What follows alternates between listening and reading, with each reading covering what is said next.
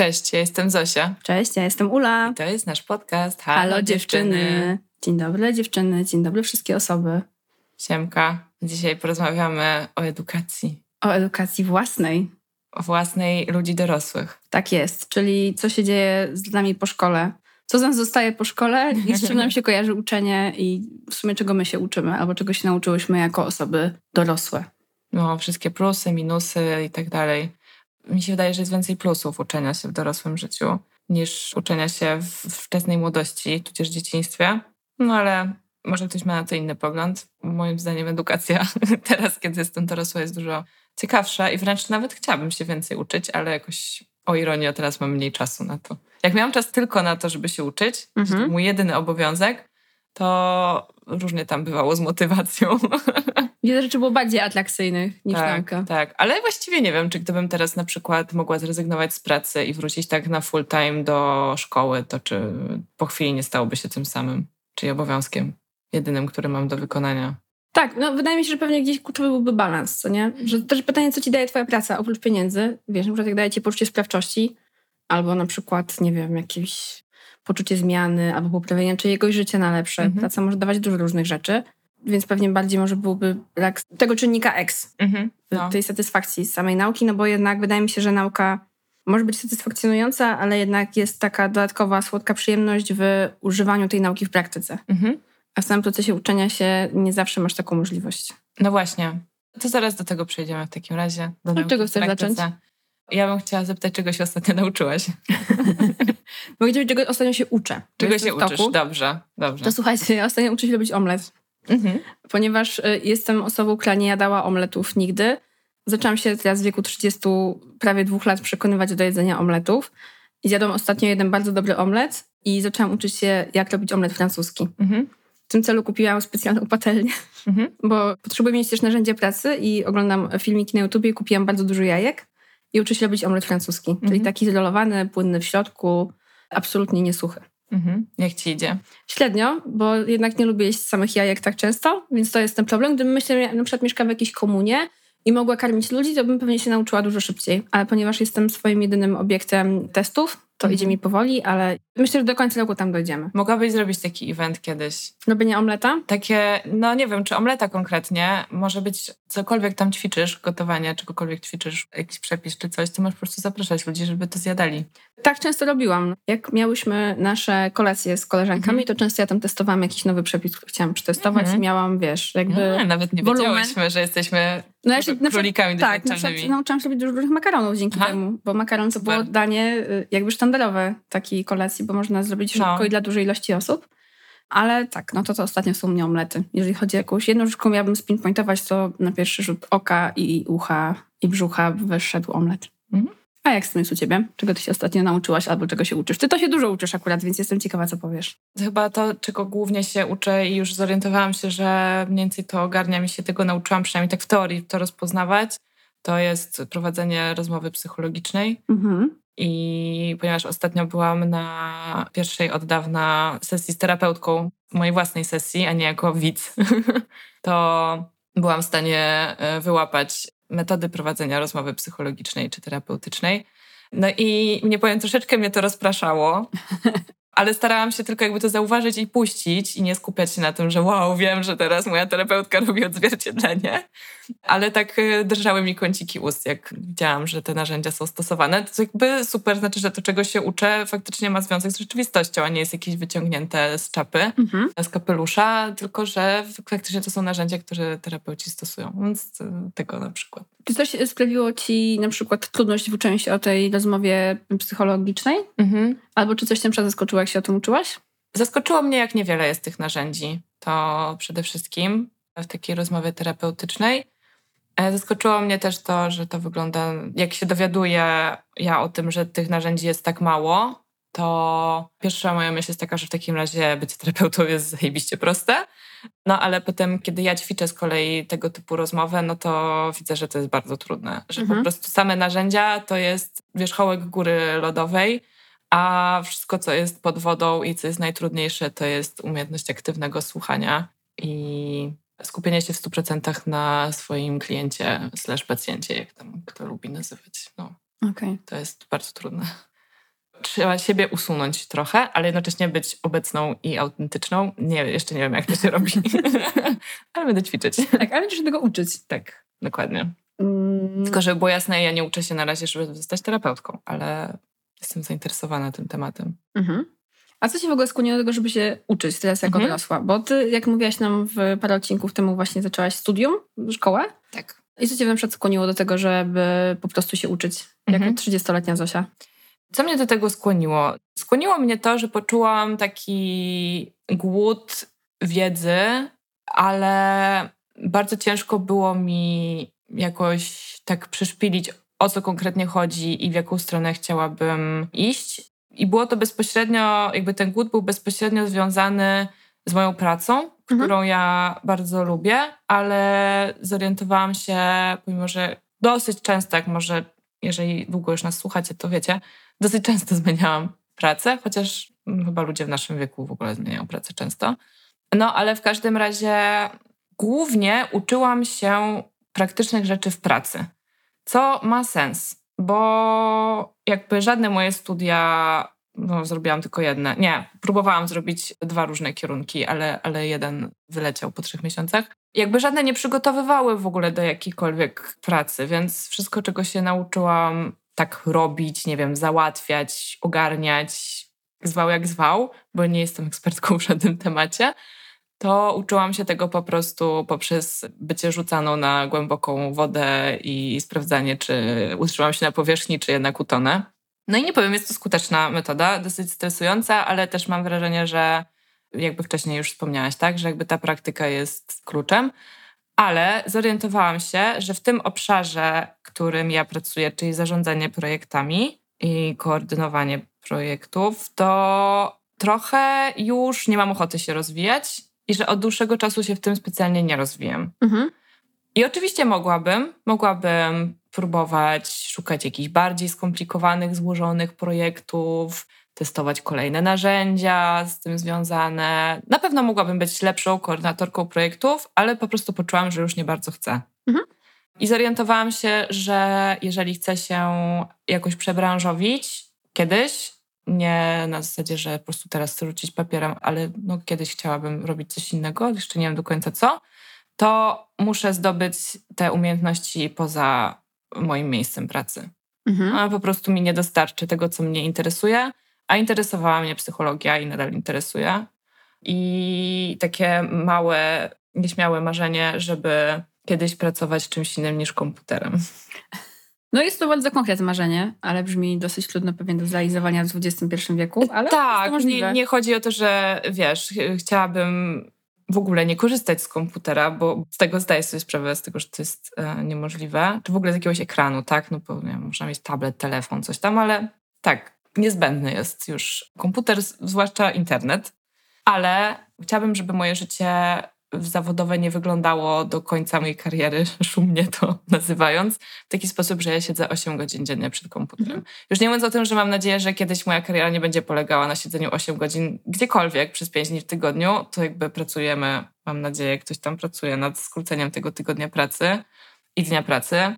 No ale umówmy się, jesteśmy w Polsce i jeszcze długa droga przed nami. Zresztą wszędzie jeszcze to chyba jest tak w powijakach. Tak, ale na pewno Polska ma swój własny zestaw problemów związanych z, z eliminacją czasu pracy. No my jesteśmy tym cały czas takim państwem na dorobku i jeszcze ten kult pracy u nas jest bardzo silny. Tak, w sensie to jest off-top, ale Polacy, jak są rankingi najciężej pracujących Europejczyków, to są niestety w topce. I mhm. wiemy, jak dużo pracujemy, a mimo wszystko nie zawsze widać tego owoce, więc... Mhm. Y, ale to jest tak, to jest temat na inny odcinek, czyli chciałam w sumie mm, tak spróbować... Podsumować. Podsumować to, co powiedziałeś, czyli potrzeba zmiany była tak. twoją motywacją do nauki. Tak, tak. I ja nie potrafię uczyć się sama.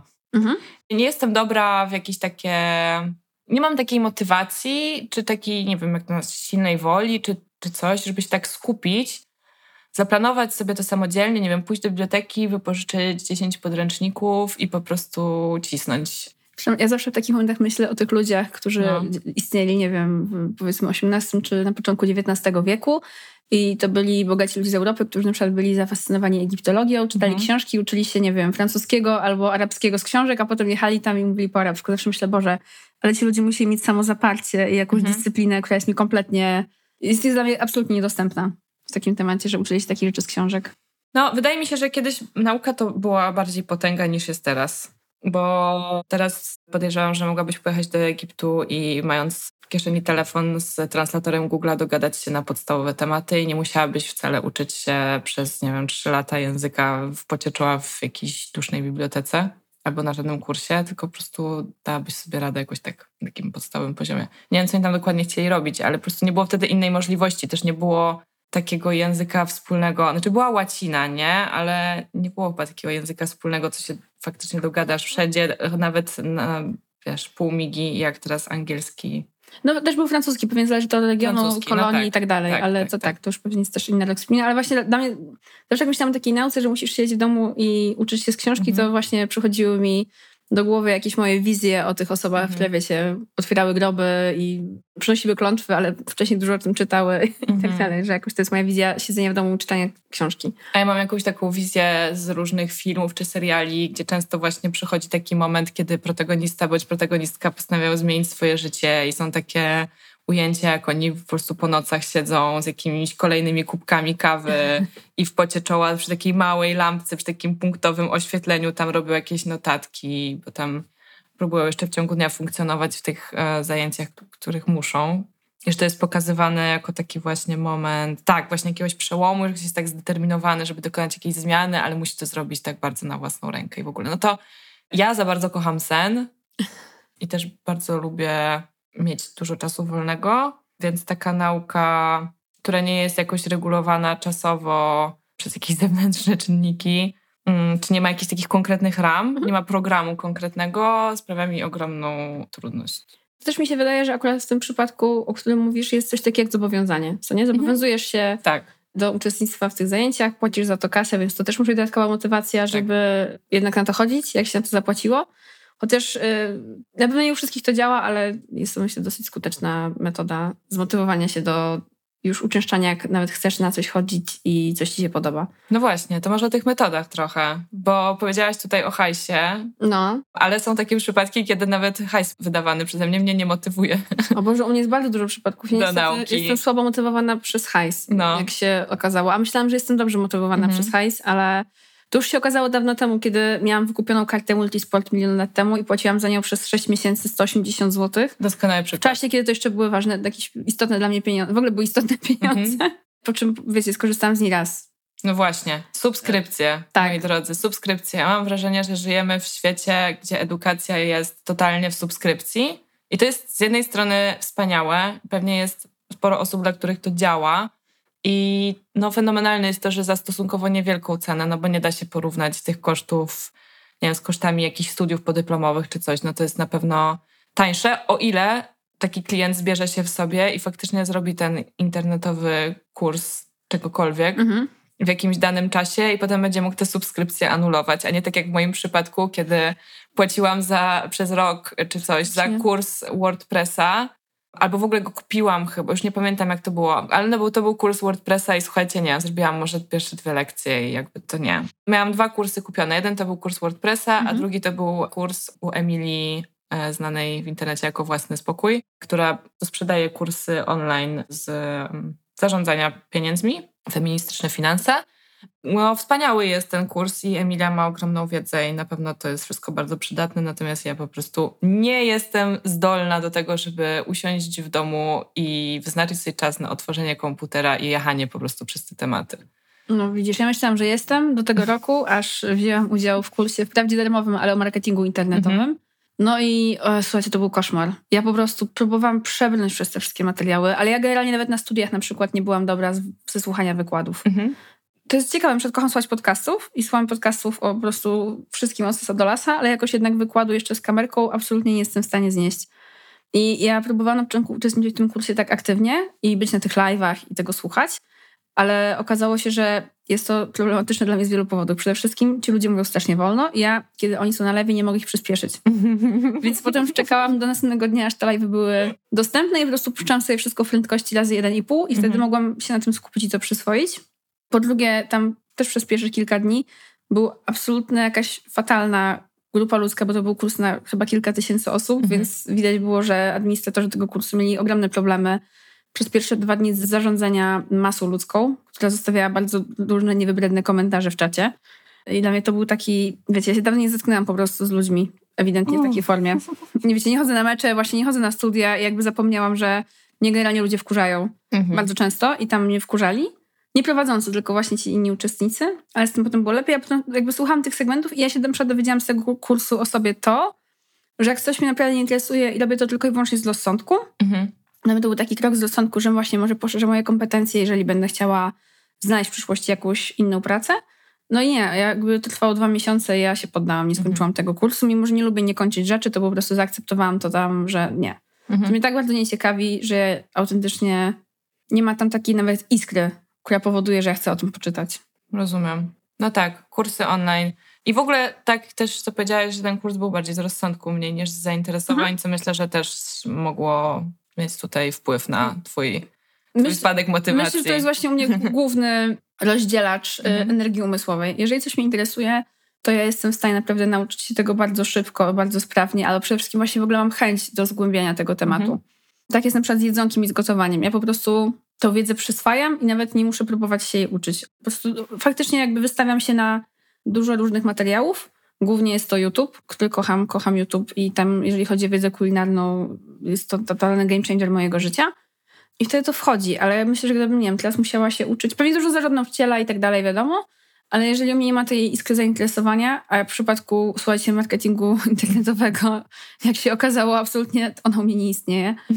Mm, Ups. No to tak. No zdarza się. Powiem ci, że w ogóle szukając się do tego odcinka, myślałam o tym, w ogóle o tym uczeniu się, bo nie wiem jak ty miałaś. Ja miałam kiedyś w szkole tak, że mi rzeczy przychodziły bez większego wysiłku. Mhm. I może to jest kwestia tego, że szkoła, w której byłam, nie była za dobra czy coś. Albo tego, że po prostu jakoś gładko po prostu szłam przez te klasy co roku z dobrymi ocenami. I ja tak naprawdę w ogóle nie czułam, że się muszę czegoś uczyć. Mhm. W sensie to po prostu, no jakby też polska szkoła jest taka, że po prostu coś ci mówią przez 45 minut, a po trzech tygodniach masz kartkówkę i musisz mniej więcej to napisać, tak? To nie jest jakiś tam super system, umówmy się. I że tak naprawdę musiałam zacząć się uczyć rzeczy na studiach. Tak, żeby mhm. faktycznie czułam, że mój mózg musi nad tym pracować i musi sklejać jakieś tematy i musi faktycznie wykonać jakiś wytężony wysiłek. I mam wrażenie, że to był jakiś szok w ogóle dla mojego organizmu. I czuję, że właśnie trochę tego szoku zostało, że już mam wrażenie, że już nie jestem w stanie się, przez to, że wykonam chyba za mało jakiejś pracy umysłowej w toku rozwojowym, to już jest mi ciężko się czasami skupić na taki długi mm. i wytężony po prostu wysiłek naukowy. Mhm. No to jest ciekawe, ale widzisz, teraz mówisz o długości, o tym, że zainteresowanie i o tym, że, że bardzo długo czułaś, że po prostu tę wiedzę wchłaniasz tak jak gumka. Ja ją wychłaniam, w sensie ona po prostu, wiesz, Wyparowuje. Ja rozumiem, rozumiem, ale jakby, że nie, nie sprawiały ci to trudności, a teraz sprawia. No ale ja tak sobie myślę, że jakby tutaj przy tym kursie internetowym to ani metoda ci nie pasowała, bo były to wykłady i to było online i nie na twoich warunkach do końca. Co prawda potem mogłaś oglądać te live'y, tak? Ale ani nie byłaś do końca tym tematem zainteresowana, ani to chyba nie było jakoś specjalnie skondensowane, czyli musiałaś na to dużo czasu poświęcać, a nie chciałaś. A w kontrze masz YouTube'a, gdzie masz jednak stosunkowo krótkie te filmiki, jesteś bardzo zainteresowana tematem. Tak.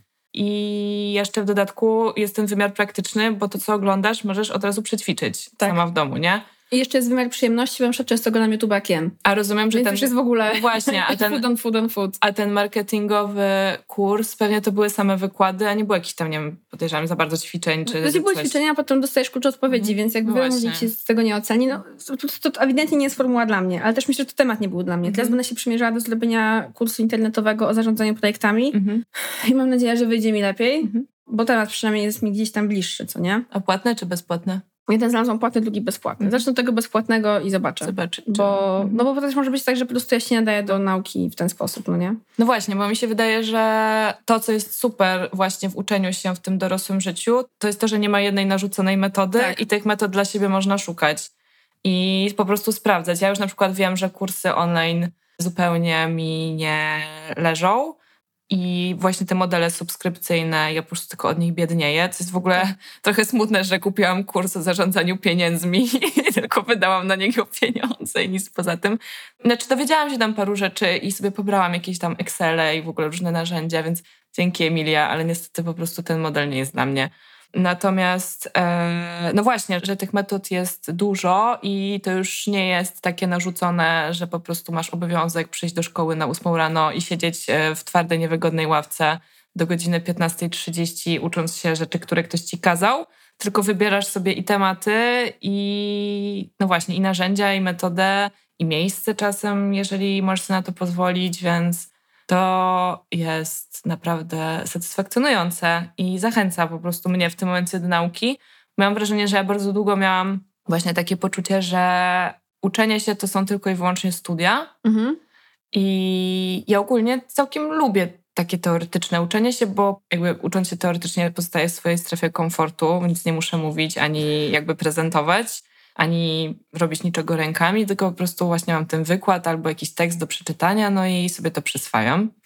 Ale tak jak zresztą ty powiedziałaś, to po prostu potem ulatuje. Mhm. Bo bez tej praktyki, bez stosowania tej wiedzy w życiu codziennym, no po prostu ona nie ma za bardzo szans się utrzymać, co ja widzę doskonale po nauce wszystkich języków, których się uczyłam w szkole, poza angielskim, którego się nauczyłam w praktyce już po prostu jako dziecko. I on został na zawsze, a potem się udoskonalał przez kontakt, nie wiem, z filmami, z muzyką i z ludźmi oczywiście. I, i też, że po prostu nie miałam bariery żadnej językowej, to pozostałe dwa języki, których się uczyłam długo i nauczyłam się ich całkiem nieźle, no w tym momencie po prostu one gdzieś tam są na tym twardym dysku, ale nie tak, żebym ich mogła używać. No i jeszcze mam ogromny lęk przed używaniem ich y, i jakby przed myleniem się, co jest w ogóle słabe. Kiedy chcę się czegoś uczyć, to mi bardzo utrudnia naukę mhm. zawsze. To jest jakby taki mój, moje osobiste ograniczenie. Ale teraz z niego powoli wychodzę, no bo jednak chodzę do tej szkoły, która jest skupiona w 100% na praktyce. I na początku ja bardzo byłam tym taka zestresowana i właśnie chciałam, żeby były głównie wykłady i żebym mogła sobie robić notatki, a teraz po prostu jak są wykłady, to ja przewracam oczami i mam tylko takie, dobra, dobra, rób, coś robimy? róbmy to, tak. No bo widzę, że po prostu to jest stresujące, ja przy tym robi mi się gorąco i się pocę i w ogóle, ale mhm. nie ma innej drogi do tego, żeby coś umieć. Tak, z tych rzeczy, które Cię interesują tak. przynajmniej. Pewnie może byśmy nie wiem, teoretyczną fizykę, to byśmy... No ale i tak byśmy tak, musiały siedzieć i rozwiązywać te zadanka, nie? Czy to na tablicy, czy dyskutować z ludźmi. Wiesz, ja akurat trochę siedzę w edukacji mhm. i powiedzmy pod opieką nasza fundacja ma grupę bardzo zdolnych ludzi, którzy uczą się między innymi fizyki e, kwantowej, mają kółko fizyczne, no i to kółko fizyczne głównie polega na omawianiu case'ów po prostu. Po prostu siedzą w grupie i dyskutują, jak coś zostało zrobione, czy można to zrobić lepiej i tak dalej, nie? I na zajęcia, które trwają, nie wiem, półtorej godziny czy ileś, mają jedno zadanie i cisną tam razem to zadanie, no, więc Super słodkie. No, fajne to jest, Super tak. Fajne. ja to jest to, co ja na przykład najbardziej lubiłam na studiach, czyli właśnie dyskusje. Ja mhm. miałam dużo ćwiczeń, dużo konwersatoriów mhm. i to były raczej takie, zresztą w moich pierwszych studiach, no to były naprawdę najciekawsze rzeczy.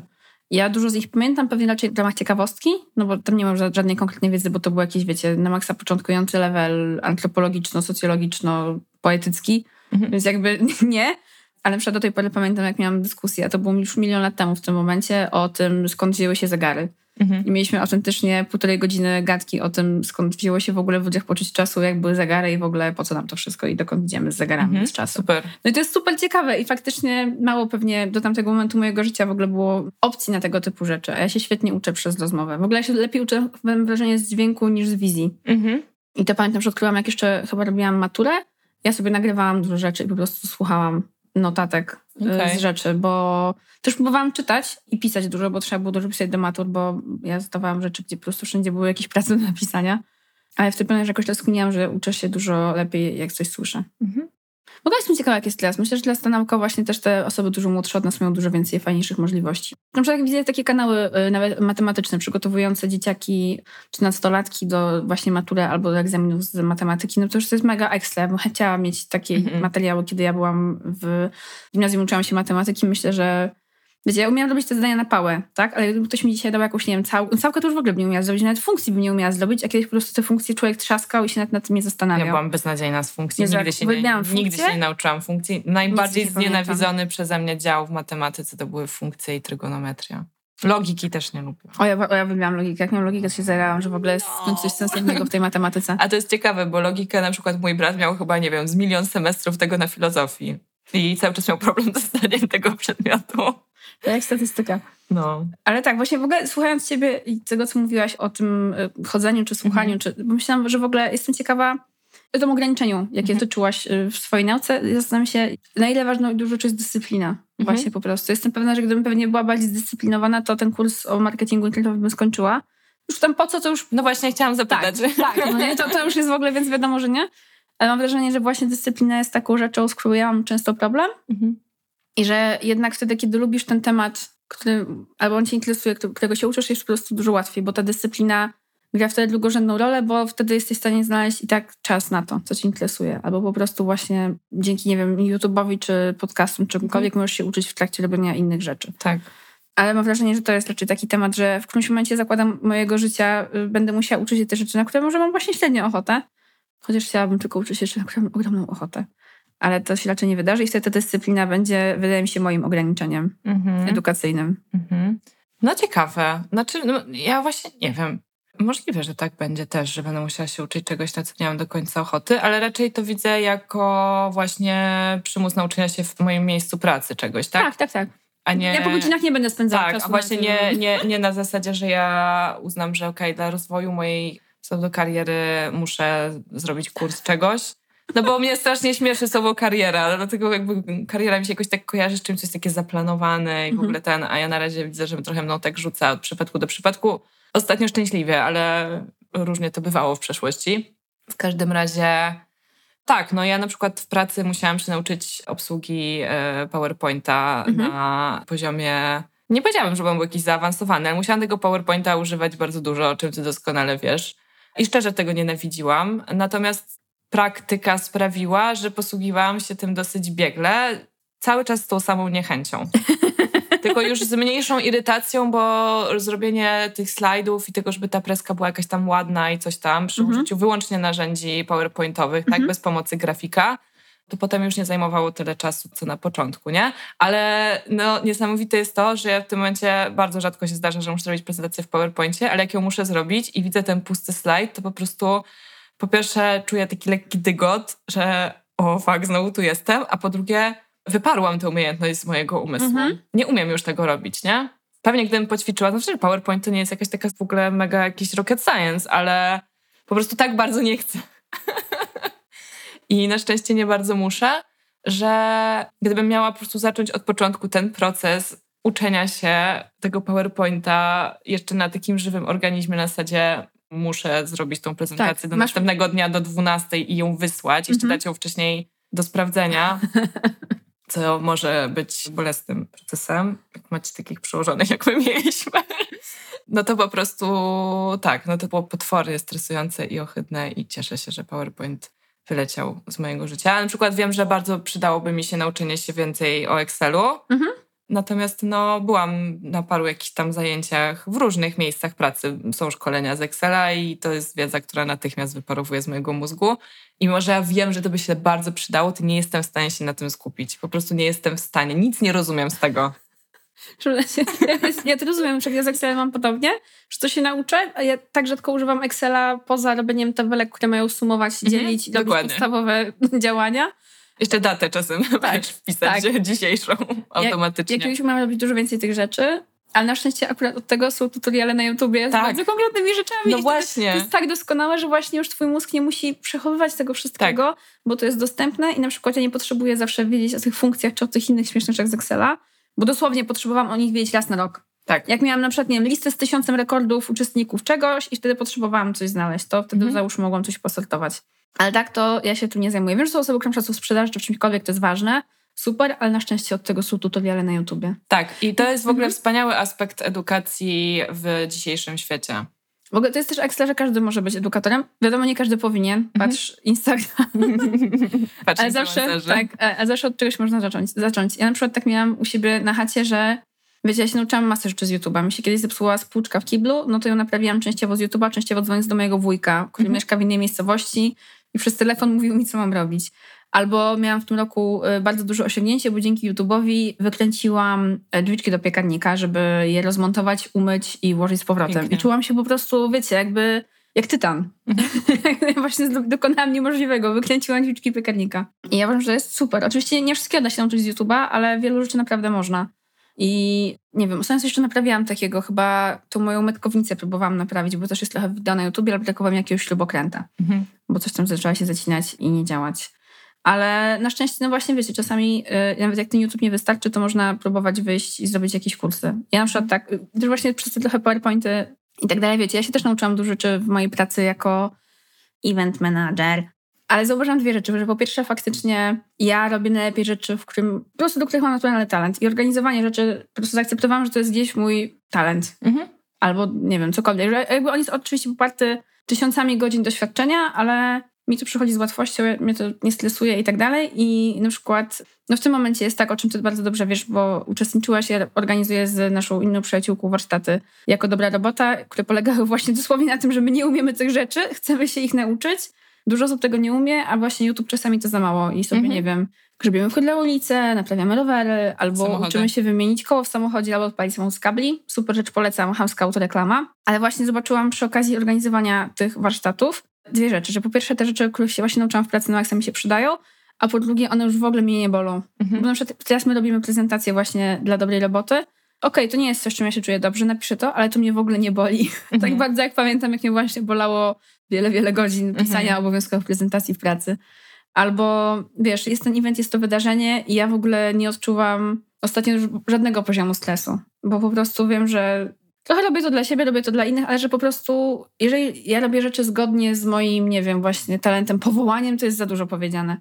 Ale które są zgodne ze mną, no to wszystko po prostu się układa.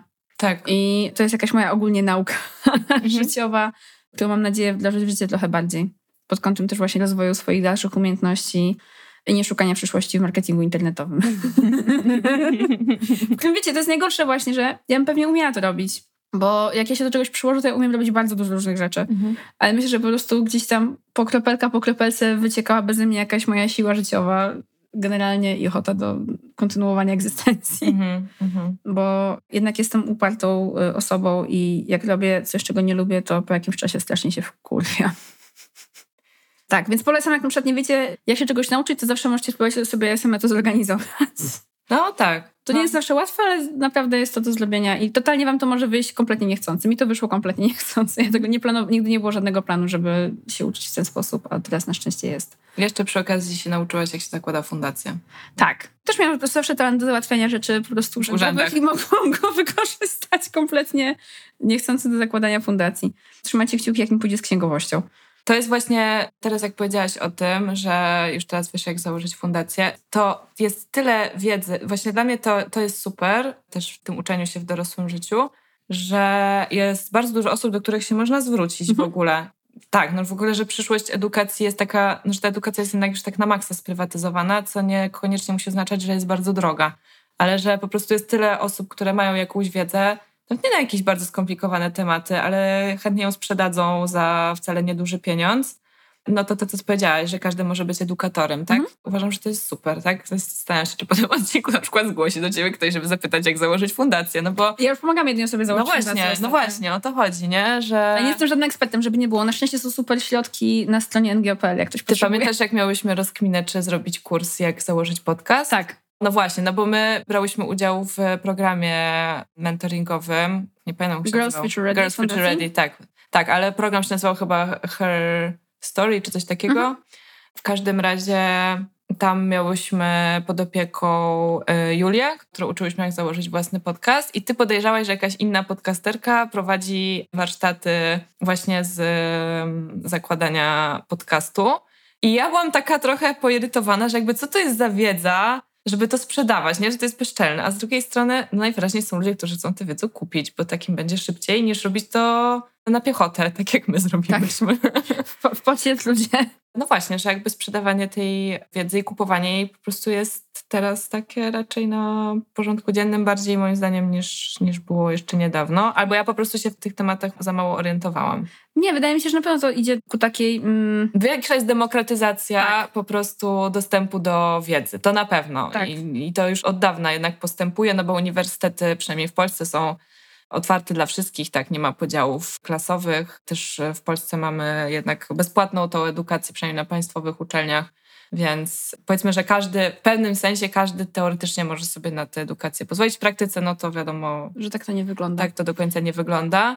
Chciałam powiedzieć no. e-booków, o których powiedziałaś, bo z jednej strony totalnie tak jest, nastąpiła jakaś e-bookizacja i to jest super, można mm. się wiele rzeczy nauczyć z e-booków, ale też myślę, że nie wiem, czy popularyzacja to jest właściwe słowo, ale no po prostu nie każdy powinien te e-booki pisać, ale mm. czasami trzeba zapłacić te 50 zł czy 60, żeby, żeby się przekonać, że jednak nie każde no takie pieniądze są po prostu właściwie wykorzystane.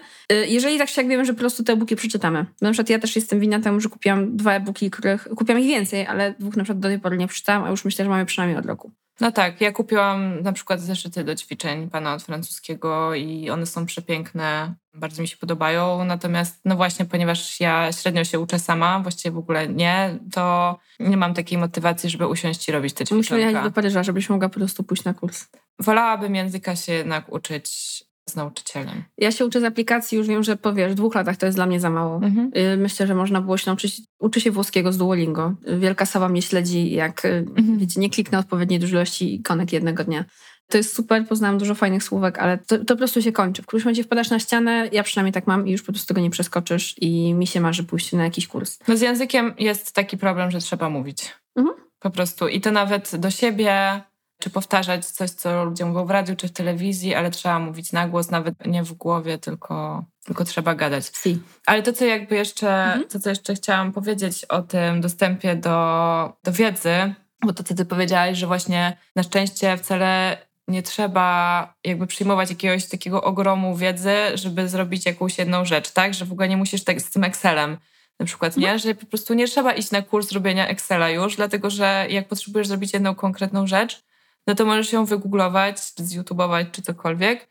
I uważam, że to jest wspaniałe i też uważam, że jakby są różne też raporty, które to potwierdzają, mhm. że po prostu nie ma sensu uczyć się już takich e, ogromnych, przyjąć takich ogromnych bloków wiedzy, że lepiej tą wiedzę sobie porcjować i kawałkować i skracać jakiś proces edukacyjny z pięcioletnich studiów do, nie wiem, półrocznych czy rocznych kursów, które są po prostu może bardziej intensywne i praktyczne i potem faktycznie mają, mają zastosowanie. Czy jakby to bardziej takie pragmatyczne podejście do nauki jest mi bliskie. Jakby z jednej strony tak zainteresowanie i to ja bym pewnie nie mogła się uczyć czegoś, co mnie zupełnie nie interesuje, ale też fakt, że żeby uczyć się o psychologii nie muszę iść na pięcioletnie studia, które zakończą się napisaniem pracy magisterskiej, tego sobie w ogóle w tym momencie nie wyobrażam, żeby napisać jakąś pracę i w ogóle nie chcę tego robić, to to, to jest mega uwalniające i myślę, że takich możliwości kiedyś jednak było dużo mniej. Tak, by no. się uczyć na tyle różnych sposobów i takich konkretnych też um, obszarów po prostu, takich bardziej wyspecjalizowanych, węższych i w ten sposób tymi mniejszymi kawałkami zdobywać kolejne. Jakby wiecie, świat po prostu zmienia się szybko i kompetencje, które są potrzebne na rynku pracy zmieniają się za parę lat będą nowe zawody, których nie ma dzisiaj i trochę chcąc się utrzymać przy tym, trzeba jakoś tam nadążać, a no ja na przykład mam w sobie wielki głód wiedzy tego, jak będzie wyglądał, jak, jakie w ogóle są te zawody przyszłości, takie, jakie kompetencje będą zaraz potrzebne. Tak, no to jest takie podejście jednak nauki jako czegoś utylitarnego, mhm. co nie w sensie, które ma być środkiem do jakiegoś celu i tak dalej. Ja na przykład mam gdzieś tam duży sentyment y, w swojej głowie do takich, wiesz, studiów typu socjologię, filozofię. Tak, właśnie... ja oczywiście też mam. Tak, mhm. Dokładnie, więc wiesz, właśnie, które pokazują ci jakieś takie, wiesz, y, malują bardzo dużym i szerokim pędzlem mhm. pewien krajobraz, dzięki któremu ty potem rozumiesz zależności między tymi rzeczami, albo między, nie właśnie historią, a rozwojem jakiejś innej dyscypliny naukowej i tak dalej. Tak dalej. To jest właśnie super, bardzo fajne i piękne, ale tak długo jak żyjemy właśnie jednak w takim świecie, jakim żyjemy, gdzie wszyscy musimy mieć pracę, jednak musimy mm -hmm. coś robić, żeby zarabiać, to na pewno te takie nauki, takie snaki, tak, nie, takie snaki mm -hmm. naukowe, takie właśnie, -hmm. czy wiesz, czy, że właśnie zamiast zapisywać się na ośmiodaniową, pięcioletnią kolację degustacyjną, mhm. możesz po prostu Mhm. Zjeść batonik tak. edukacyjny. Nie wiem, czy to jest może najwłaściwsze porównanie, bo nie wyobrażam sobie teraz pójść na przykład na pięcioletnie studia. Mhm. Ja granicy sobie tego nie wyobrażałam, dlatego nigdy na takie nie poszłam. Bo jednak ta ilość fokusu, y, którą musisz utrzymać i właśnie tych jednak takich skostniałych sytuacji akademickich może być po prostu bardzo ciężka, może być nie dla każdego. Mhm. No, tak jakby idea takiej nauki właśnie, której można poświęcić po prostu cały swój czas i serce i uwagę i siedzieć głęboko w jakichś właśnie podręcznikach, teoriach i dyskusjach. Jest piękne. To jest, to jest piękne, ale tak. bardziej mi się kojarzy po prostu, wiesz, widzę teraz Gaj Oliwny, starożytna Grecja, siedzą faceci z brodami pod drzewem i cały dzień pierdolą na temat, na moich pierwszych studiach. na temat filozofii, bo nie mają nic innego do roboty.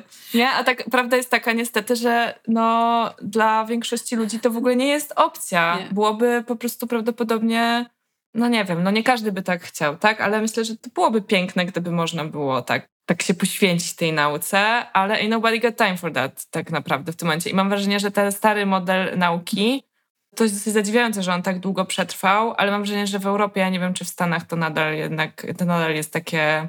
W Stanach generalnie dużo mniej osób wejdzie na studia niż w Europie. No bo studia są Bo dużo... są, studia są drogie, dokładnie. Przejebanie drogie.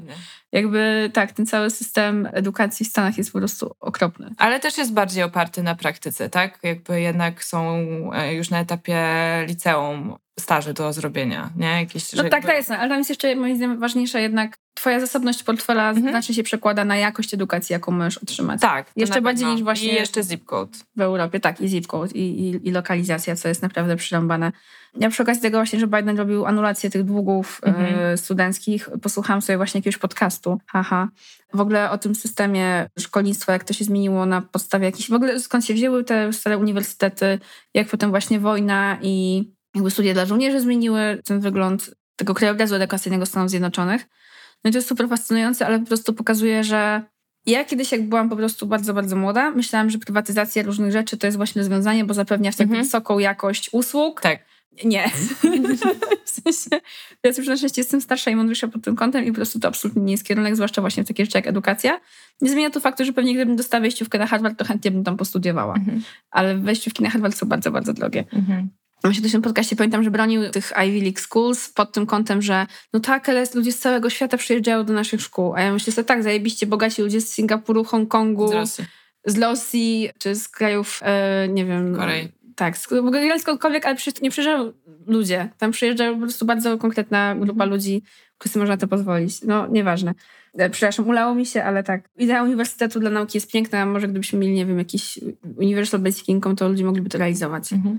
Ja tak próbowałam realizować moje pierwsze studia, które były super właśnie fajne i było tam dużo dyskusji, dużo czegoś innego, ale jak studia codzienne, a ty jeszcze masz potem pracę na 8 godzin, no to po prostu to jest nie do zrobienia. Dla mnie było przez więcej niż rok. Mhm. I tak to wygląda, że jednak ta przyszłość utylitarna nie jest może taką romantyczną ideą, ale jest ideą zdecydowanie bardziej praktyczną i wydaje mi się, że lepszą in general. No, mnie to jednak jakoś tam jara. Ja miałam ten przywilej, że nie musiałam pracować w trakcie swoich studiów, które rozpoczęłam od razu po liceum, ale dla mnie, ja wtedy w ogóle byłam dorosła tylko dlatego, że miałam, byłam pełnoletnia, może tak, nie byłam dorosła, więc ja nadal byłam dzieciakiem, jak poszłam na te studia i tak to traktowałam jako po prostu kontynuację tego samego obowiązku, który miałam wcześniej. To, co powiedziałaś ty też o tym, że dopiero na studiach musiałaś zacząć się uczyć. Ja musiałam zacząć się uczyć w liceum, bo jednak już w liceum zaczęło mi opornie wchodzić pewne rzeczy, ale y, na studiach miałam mega problem z tym, że, że to jest tak bardzo moja odpowiedzialność i nikt mnie tam nie będzie specjalnie zachęcał, gonił czy groził mi, żebym przeszła do następnego semestru, następnej klasy, cokolwiek, nie? Tylko, że właśnie muszę się tak bardzo tym sama zająć i dopiero po jakimś czasie zaczęło mi się to podobać. Natomiast nadal uważam, że te studia, może też to jest kwestia Polski, są bardzo takie upupiające. Że jednak niby nas traktują tam jak dorosłych, już mówią do nas per pan, pani, ale jak student to nadal jest dzieciak i jeszcze w dodatku upierdliwy i w ogóle gdyby nie studenci, to wszystko by działało na tych uniwersytetach i byłoby świetnie. A jeszcze tylko chciałam no właśnie, pamiętam, że jak skończyłam te studia, bo ja zrobiłam licencjat, potem jeszcze próbowałam zrobić Mhm. magisterkę i tutaj mam wrażenie, że już jednak byłam na tyle dojrzała, że właśnie uznałam, że to będzie strata mojego czasu i po trzech miesiącach z tych studiów magisterskich zrezygnowałam. Po prostu w ogóle nie widziałam sensu robienia tego. Ja Jestem zadowolona do dzisiaj z tej decyzji, bo dzięki temu zaczęłam pracę, poznałam Ulę i nauczyłam się w tej pracy bardzo dużo, chociaż było to właśnie poprzez próbę, próbę wody. I kamienia u szyi. To była próba ognia. Tak, natomiast pamiętam, że pamiętam, że moje podejście do edukacji wtedy było takie, że ja już nie mam szans nauczyć się niczego inaczej poprzez tą pracę i że już jestem na to skazana. I przez chwilę miałam taki moment, że myślałam, że może wrócić na jakieś studia, żeby jednak może zrobić jakąś magisterkę, bo zaczęłam widzieć jakby te ograniczenia związane z uczeniem się w pracy, ale miałam takie poczucie, że jestem już na to za stara, a miałam, słuchajcie, lat 25. No, I nie. byłam przekonana, że to będzie po prostu jakaś żenada i obciach, jak ja wrócę na studia i wszyscy tam będą mieli lat, nie wiem, 22, a ja już będę 25-latką, jeszcze po długiej przerwie w procesie uczenia się, mhm. a wiem doskonale, że po roku przerwy pomiędzy e, studiami licencjackimi a magisterskimi, bo wzięłam sobie rok przerwy, no właśnie na, na przemyślenie i podjęcie jakichś bardziej sensownych decyzji niż od razu po liceum, to że bardzo ciężko było mi wrócić do takiego uczenia się właśnie szkolnego, tak? Do czytania tych lektur, do pisania tych prac, po prostu jednak wyszłam z wprawy i było mi bardzo wstyd w ogóle, że te rzeczy mi sprawiają taką trudność. Nie bardzo chciałam się znowu znaleźć w takiej sytuacji. No więc yy, mimo, że miałam różne pomysły tam na jakieś kierunki, które chciałabym, czy wtedy mi się wydawało, że chciałam studiować, mhm. to bałam się po prostu i miałam wrażenie, że to już nie ma sensu. I jeszcze był taki moment, kiedy był boom na startupy i jacyś, wiecie, 19-20-latkowie olewali studia, zakładali swoje biznesy i nagle zarabiali po 100 tysięcy złotych miesięcznie. I ja byłam taka, no ja już ich nigdy nie dogonię, więc to nie ma sensu. Więc po prostu już będę tu siedzieć w tym swoim kąciku i no i uczyć się tego PowerPointa poprzez robienie go. I to było dla mnie straszliwie depresyjne. Bardzo się cieszę, że już nie jestem w tym miejscu. Słuchajcie, u mnie na zajęciach, tam gdzie chodzę tak. do szkoły, jestem jedną z najmłodszych osób. Jest tylko jedna osoba młodsza ode mnie, jest młodsza tylko o rok. Tak. No to jest właśnie brak tej perspektywy, co nie? Tego jakieś, ale już w ogóle trochę o tym ciśnięciu na sukces w bardzo młodym wieku, a sukces nam no, się może... Na kulcie takiej młodości, nie? Tak. Wczesnej. Tak. Jako tym decydującym o całym twoim życiu czasie. No nie, jak ja myślę, że jakieś trzy lata i decyzje, które podejmujesz, jak masz 19, 22 mhm. lata, mają decydować o całym twoim życiu. Na szczęście tak nie jest. Na szczęście tak nie jest, ale łatwo mając jest 19 czy 22 lata uwierzyć w to, bo mhm. po prostu masz mniejsze doświadczenie życiowe i jak nie masz jakichś fajnych opiekunów, albo doradców, albo fajnych przykładów dookoła siebie, to po prostu może być łatwo zjeść ten haczyk. Mhm. Na tym polecieć. E, ja rozumiem tą obawę, że jak masz 25 lat, to już całe życie po prostu za tobą, już nie mhm. możesz nic ze sobą zrobić. Koniec, stara Koniec. Torba, e, ale na szczęście jest życie po 25 roku życia. Haha, jest życie po życiu. I, I można zrobić dużo rzeczy po prostu bardziej, wydaje mi się, w zgodzie ze sobą i na swoich zasadach, na swoich warunkach i po prostu dla siebie. Ale tak, jak ja myślę, że miałam dzisiaj wrócić na studia i, takie regularne? Mhm. Absolutnie nie. A jeszcze w ogóle do szkoły czasami mam takie koszmary, że się budzę, jestem w szkole, wiecie, jestem na jakiejś lekcji polskiego albo matematyki czy innej historii i wszyscy coś wiedzą, a nic nie wiem. W ogóle nagle mam jakąś kartkę przed sobą, jestem na mojej starej ławce, muszę coś pisać. Jezus, nie. To jest absolutnie przerażające. Mhm. W sensie ja się nigdy nie nadawałam tego schematu szkolnego, a teraz po 10 latach prawie już nie uczenia się w jakiejś organizacji, myślę, że nie nadawałabym się jeszcze bardziej. że jednak właśnie tak jak powiedziałaś, to myślenie, takie, mhm. czy ta praca naukowa schematyczna jest tak silnym bodźcem, że jak właśnie wypadasz z tego kołowrotka nawet na rok, to ciężko jest się w to wbić z powrotem. No, ciężko. Tego polskiego systemu. No dobrze, no to tak chyba już podsumowując, to metody są różne, narzędzia są różne. Można znaleźć to, co Wam pasuje najbardziej. Nigdy nie jest na naukę za późno i uczymy się całe życie, to już taki banał, ale tak jest. No, tak, nawet tak nie chcąc, bardzo nie chcąc się uczyć i, i tak nie dacie rady, nauczycie się czegoś nawet o tym nie wiedząc. Wbrew sobie. Wbrew sobie, tak. I możecie nawet tego nie uznać za jakąś nową umiejętność, bo po prostu mam wrażenie, że właśnie stereotyp o tym, czym jest nauka i jak wygląda uczenie się, jest nadal w nas bardzo silny. Tak. Ale teraz powiedziałaś mi się, przypomniała o tym, że powinniśmy się też za to doceniać, bo często też przez to, że my wiemy pewne rzeczy, albo właśnie umiemy je, albo są już dla nas tak naturalne, że nawet nie doceniamy ich jako skille albo jako mhm. wiedzę i potrzeba nam wtedy kontaktu z drugim człowiekiem, żeby zrozumieć, że nie, to jest umiejętność albo to jest wiedza. Więc może sobie wszyscy pomyślmy o takiej jakiejś jednej rzeczy, jaką mamy i się za to docenimy. Jako taki miły akcent. Ja, yeah. no dobrze. To słuchajcie, jakbyście chciały nam powiedzieć, czego się ostatnio nauczyłyście, albo jak się uczycie, co lubicie i tak dalej, to możecie do nas pisać na halodziewczyny.gmail.com Albo na Instagramie też tam chętnie wszystko przyjmiemy, a najchętniej przyjmiemy na przykład polecenie nas komuś fajnemu, kto będzie nas słuchał, albo recenzję na Apple Podcast, albo gwiazdeczki na Spotify'u. Yeah. To nas cieszy. Tak, no i w sumie chyba to tyle. Tak. Na dziś. Idziemy się uczyć. Dziś, dziś akurat nie, tak. ale ogólnie tak, całe życie. Every day. Pa, pa. pa.